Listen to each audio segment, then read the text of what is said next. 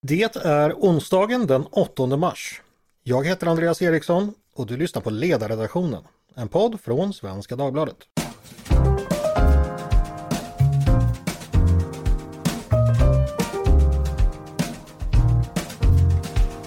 Varmt välkomna till oss igen. Dagens ämne handlar om en utredning vars tilläggsdirektiv fick stor uppmärksamhet när den presenterades förra veckan. Och de av er som inte somnar av den inledningen får gärna lyssna vidare. Eh, för det gäller faktiskt intressanta saker. Det gäller utredningen om tryggare bostadsområden som tillsatts av den förra regeringen. Eh, meningen med den var att man skulle titta på, eh, som de man skriver i direktiven, hyresrättsliga regleringar kring uppsägning av hyresavtal i de fall där hyresgästen eller någon som denna ansvarar över har begått brott i lägenheten eller i närområdet. Helt enkelt att man då eh, ja, man säger att nu har du eller någon annan som bor hos dig begått ett brott, nu får inte du bo kvar här längre. Det här väckte kanske inte så stor uppmärksamhet men desto mer rabalder blev det förra veckan när man bestämt den 2 mars när den nuvarande regeringen presenterade ett tilläggsdirektiv. Och då förklarade man att eh, det här skulle gälla även barn som bor i, eh, hos en hyresgäst. Eh, varpå detta har då tolkats som att regeringen nu vill eh, vräka barn och kollektivt bestraffa familjer som, eh, där en av medlemmarna är brottslig helt enkelt. Hur är då detta tänkt egentligen? Vad är det för typ av situationer som har föranlett den här utredningen som alltså tillsattes också av den förra regeringen? Och vad är det en hyresvärd får göra idag och vad är det man inte får göra? Och vad är det tänkt att man ska få göra i framtiden? Och hur är det här med barn? Hur är det tänkt att fungera? Det tänkte vi skulle prata om idag och med mig för att bilda mig och er som lyssnar om detta har jag med mig Fredrik Kopps som är eh, chefsekonom på den marknadsliberala tankesmedjan Timbro och dessutom universitetslektor i fastighetsvetenskap. Välkommen hit Fredrik! Eh, tack så mycket! Du, eh, jag tänkte väl vi ska börja med historieskrivningen här. Eh, den här utredningen tillsattes då, som jag sa då, förra året av den förra regeringen. Vad var bakgrunden till det? Var, var, varför ville man att saken skulle utredas överhuvudtaget? Ja, ja, det som man vill göra och det som jag tror att, att man vill, vill försöka komma åt mest det är ju liksom gängkriminaliteten. Och, och, kanske inte så att man tänker sig att det här ska lösa några problem med gängkriminalitet men att det ska kunna lösa problemen för de som bor i områden eh, som är, är kraftigt drabbade av gängkriminalitet. Till exempel så var det ett fall i, i Malmö som, som har varit i media en del under senaste året, senast för bara några veckor sedan, där det kommunala bostadsbolaget MKB har försökt vräka en familj där där vuxna eh, hemmaboende barn har, har liksom påträffats med rörbomber i, i, i trappuppgången. De som bor där är ju oerhört oroliga. Det är ju ett väldigt stort störande moment att ha Eh, att ha grannar som eventuellt kan vara utsatta för någon form av attentatsrisk, att det kommer andra gängkriminella och skjuter in genom dörrarna eller skjuter mot, mot, mot fasaden. Så det är, är ju nog, som jag har förstått det, grund, grunden i att man vill, vill tillsätta den här utredningen. Att mm. trygga en, en, en tryggare boendemiljö för, för hyresgäster. Precis, nu nämner du det här fallet i Malmö. Jag ska bara kort berätta om det. Det var ju så, precis som du säger, så var ju då grannar och närboende, de var ju oroliga och hade skrivit massa brev eh, till världen. Jag kan citera ett här. Eh, är det meningen att någon ska bli skjuten innan ni tar bort personer som grovt kriminella? De förstör hela området, ingen vill flytta hit. Har en hyresgäst exempelvis skrivit i, i ett mejl. Eh, så där ville man då, då säga upp eh, hyres, hyresavtalet och vräka familjen men det blev inte så i hyresnämnden. Eh, den 13 december förra året så förklarade man att det inte gick. Men detta lär väl vara överklagat tänker jag så det får vi veta mer om. Fredrik, jag tänkte eh, fråga, det här med att säga upp ett hyresavtal för en boende generellt sett, vad gäller för det? Vad, vad, vad brukar behövas för att ett, en sån sak ska kunna ske? Ja, vi har ju väldigt starkt eh, eh besittningsskydd i, i Sverige för, för hyresgäster så det är väldigt svårt att säga upp eh, hyresgäster. Eh, men man ska ju ha brutit, liksom, brutit mot, mot eh, sitt hyresavtal och då finns det en del olika saker som man, eh, som man kan göra. Eh, Hyreslagen tar ju upp, eller det som kallas för hyreslagen, det är liksom 12 kapitlet i jordabalken. Där finns det en paragraf, eh, den 25 paragrafen, som säger att hyresgäster ska använda eh, sin, sin lägenhet på ett sätt så att grannar inte utsätts för, för eh, eh störningar som kan vara skadliga för hälsan eller försämra deras boendemiljö på, på olika sätt. Och där ingår det ju saker som att man kan inte ha högljudda fester varje natt. Liksom. Har man högljudda fester varje natt så, så kan man eh, Eh, så kan man bli vräkt. Eh, betalar man inte hyran förstås så, så kan man också bli vräkt. Eh, det faller sig, faller sig naturligt men även där så är det ju är det svårt att, att, att vräka hyresgäster. Men man ska ju missköta sig helt enkelt. Och nu har alltså regeringen bestämt om eh, att det ska bli tilläggsdirektiv. Vad är det, vad är det de förändrar? Så att säga? Vad, är det då, vad är det man ska utreda nu som man inte skulle utreda förut? Ja, det som, som jag har förstått det som tanken här det är att om du har en granne som är, eh, som är gängkriminell då är ju det i sig inte en störning på det sätt som, som man, man tänker sig störningar eh, som har varit föremål för vräkningar tidigare. Då är, det är ju mer liksom direkta störningar. Att du ja, men till exempel har högljudda fester. Mm. Eller om dina barn har högljudda fester. Då, är det liksom, då kan inte du sova på nätterna och det, det blir ett, ett problem. Men nu tänker man ju sig att man vill också kunna vräka människor som bara har en liksom hotbild om att det kan vara så att de har vapen i, i eh, ja, det här får man väl bevisa att de har vapen i, i, eh, i bostaden. Eh, eller att det finns en risk att det kommer dit andra som jag sa och, och, och skjuter igenom dörren eller skjuter mot fasaden. Kastar in en handgranat i fel fönster. Eh, mm. Sådana saker är ju också en, förstås en störning mot, mot eh, boendemiljön hos, eh, hos hyresgäster. Och då tillsattes den här utredningen eh, av den tidigare socialdemokratiska regeringen. Eh, och då hade man specifikt med att, att hyresgästen ska ha ett tillsynsansvar för, för eh, de som bor i, i lägenheten men inte för barnen. Så egna barn skulle inte vara föremål för det här tillsynsansvaret. Och det man ändrar i tilläggsdirektivet nu är att man även inkluderar barn. Okej, okay, så, så, tidigare var det så att säga att eh, har du en hyresgäst eller en kompis som bor i din lägenhet då hade du, eh, ja, som du säger, då, tillsynsansvar men nu utsträcker sig det även till att gälla barn. Eh, fråga, vad betyder det här tillsynsansvaret? Vet vi det än eller är det någonting man ska titta på under utredningens gång? Ja, alltså det tillsynsansvaret finns ju redan, redan idag. Om, man, om vi återgår till exemplet att ha, ha högljudda fester. Om, om jag åker bort en helg och så har mina barn en högljudd fest hemma. Då, då har jag fortfarande ansvar för det. Det är jag som står på, på hyresavtalet. Så det är mitt ansvar om de stör, stör mm. grannarna. Så där har jag liksom ett tillsynsansvar att se till att de inte har högljudda fester och stör våra grannar. Eh, och gör de det en gång och hyresvärden kommer och säger att eh, ajabaja, så där får du inte göra. Och jag struntar i vad de säger och fortsätter låta mina barn ha högljudda fester. Ja, men då har jag brustit i det här tillsynsansvaret och då går det att, att säga upp mitt hyresavtal helt enkelt. Mm. Så här är ju frågan som ska utredas och, det är väl liksom den intressanta frågan som har försvunnit, eller en av de intressanta frågorna som har försvunnit i den här ganska hetska debatten som har blivit. Det är hur ska, hur ska man se på det här tillsynsansvaret? Vad, vad hur ska man bedöma om en förälder har brustit i sitt tillsynsansvar när deras barn har blivit eh, gängkriminella? Vad ska liksom föräldrar behöva ta till för att undvika att deras barn blir, blir gängkriminella? Mm. Och det tror du kommer bli då den eh, stötestenen på vad som man, man ska kunna visa eller hur, hur det ska kunna definieras helt enkelt? Ja, precis. Så då, då, då man, först så måste man ju landa i om man ska kunna vräka eh, människor för att de har eh, eh, kriminella personer boende hos sig. Det är liksom den första frågan och den tror jag är väl ganska lätt att, att landa i. Så, så det vill man ju. Liksom. Det, det verkar vara politikernas syfte med den här utredningen. Eh, men, men den, nästa fråga blir ju då det som, som utredaren behöver svara på. Det, det hur ska man bedöma, vilket ansvar ska hyresgästen ha? Och hur ska man kunna bedöma huruvida hyresgästen har brustit i det ansvaret för, för de inneboende, eh, mm. inklusive barnen. Nu fick du ju här ett jättestor uppmärksamhet just när tilläggsdirektivet kom. Hur stor grej eller hur stor förändring tycker du det är att även barn inbegrips i det här eh, tillsynsansvaret? Jag tycker det är en ganska liten förändring. Eh, så jag, det förvånade mig lite grann att det blev en så, så väldigt stor sak.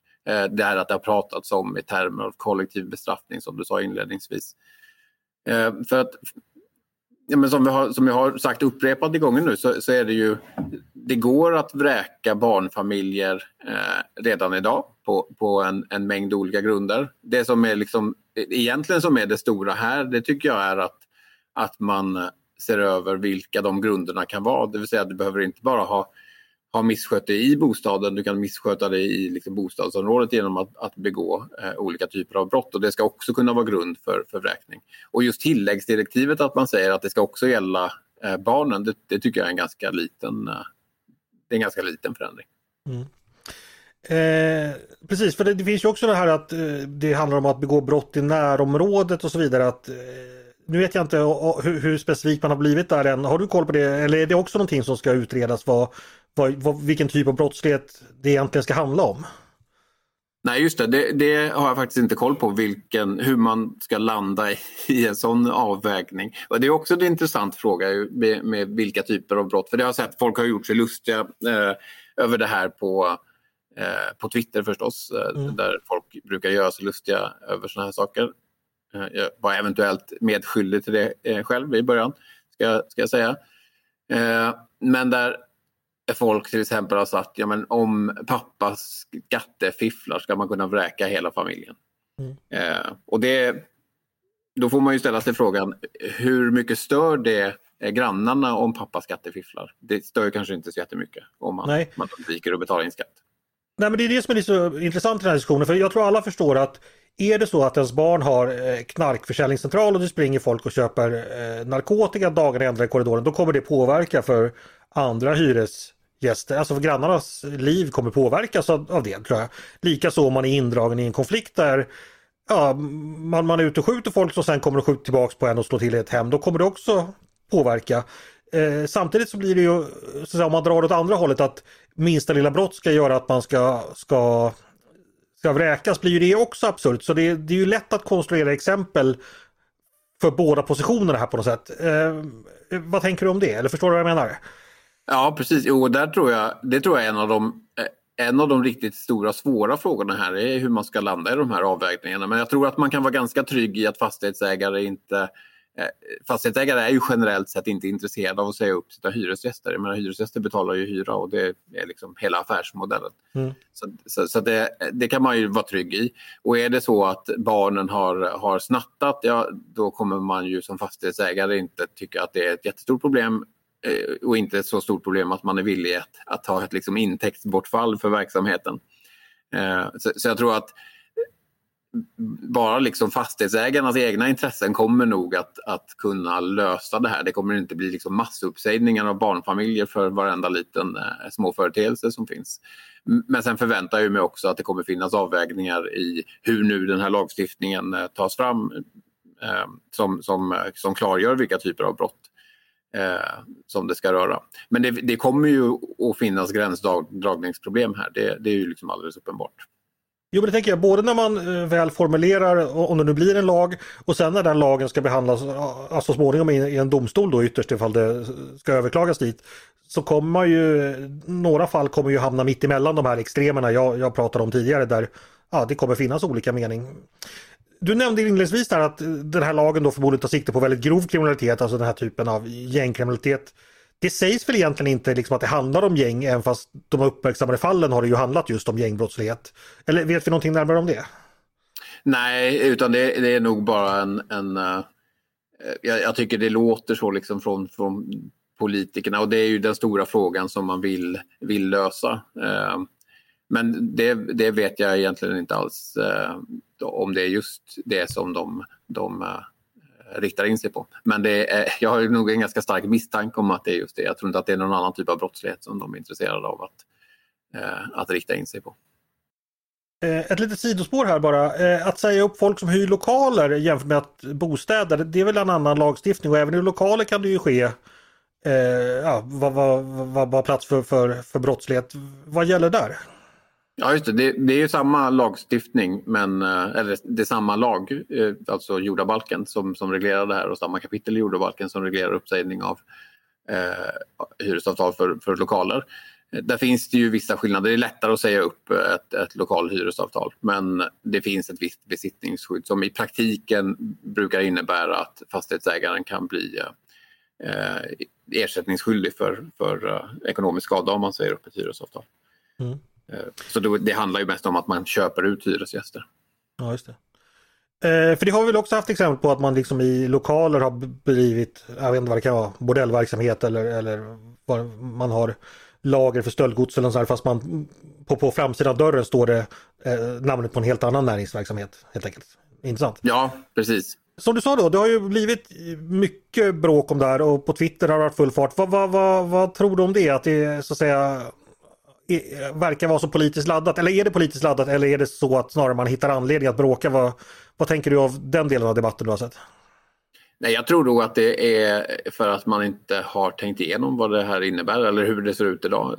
Om man har en bild av att det är i princip omöjligt att vräka barnfamiljer eh, och så ser man ett tilläggsdirektiv att nu ska det och rubriken som man hade på, på debattartikeln när man lanserade tilläggsdirektivet att den inleddes med att eh, det ska bli lättare att vräka barnfamiljer om barnen mm. begår brott. Jag tror att det var något i, i stil med det där. Och det, det är klart att det, jag förstår att det upprör uh, människor om man, om man lever i liksom villfarelsen att det inte går att säga upp barnfamiljer på några som helst grunder idag. Så det tror jag nog att det är ganska känslobaserat hela den här, hela den här debatten. Ja men kanske också åt andra hållet också att det finns människor som tycker att man kan aldrig säga upp människor som är kriminella och då vill man, alltså hårdare tagfalangen kan till och med tycka att ja, men, då, då vill man spetsa till det lite för att tilltala dem. Vad vet jag? Alltså det kan ju finnas en, en sån politisk logik också tänker jag. Mm. Jo, och sen tror jag det som verkar vara de som är för det här i, i större utsträckning, då, då är det ju uh, det man riktar in sig på är, är uh, att det, här, det skapar ett starkare incitament för föräldrar att uh, ta hand om sina barn helt enkelt. Mm. Och, och, försöka säkerställa att de inte blir, blir, blir kriminella. Om man nu inte vill bli vräkt. Men för det finns ju någon sorts föreställning också det här att barn då inte ska bli vräkta. För det, det är klart, det är alltid en tragedi när, ja det är väl en tragedi när alla blir vräkta för sig, men särskilt barnfamiljer, att det är någonting. Men, men det är ju så trots allt att barnfamiljer blir vräkta och det är fullt lagligt och det, det sker i Sverige. Ibland.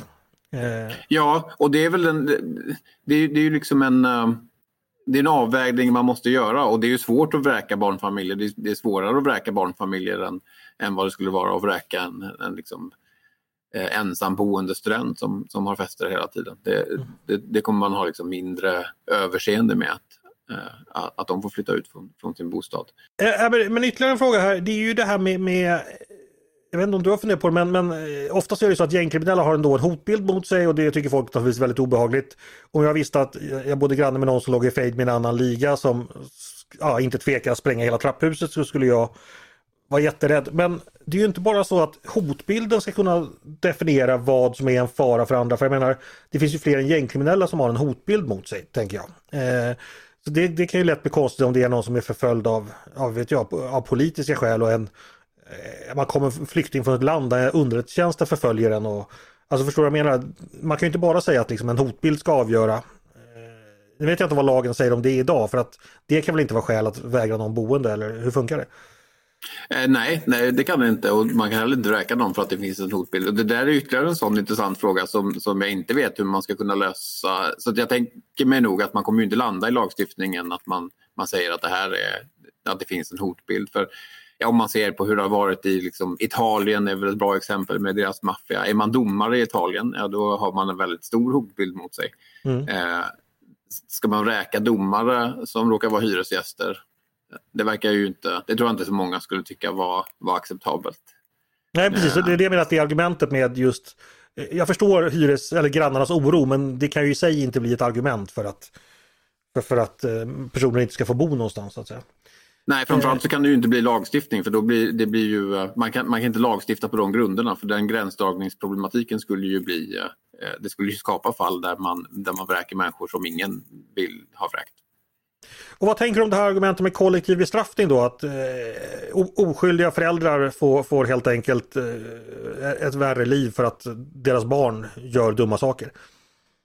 Ja, just det. Och där är ju att bli vräkt är ju inte ett straff utan här utgår jag från att eh, då barnet eller någon annan som, som, eh, som eh, den som står på hyreskontraktet har, har eh, ansvar för, som bor i lägenheten.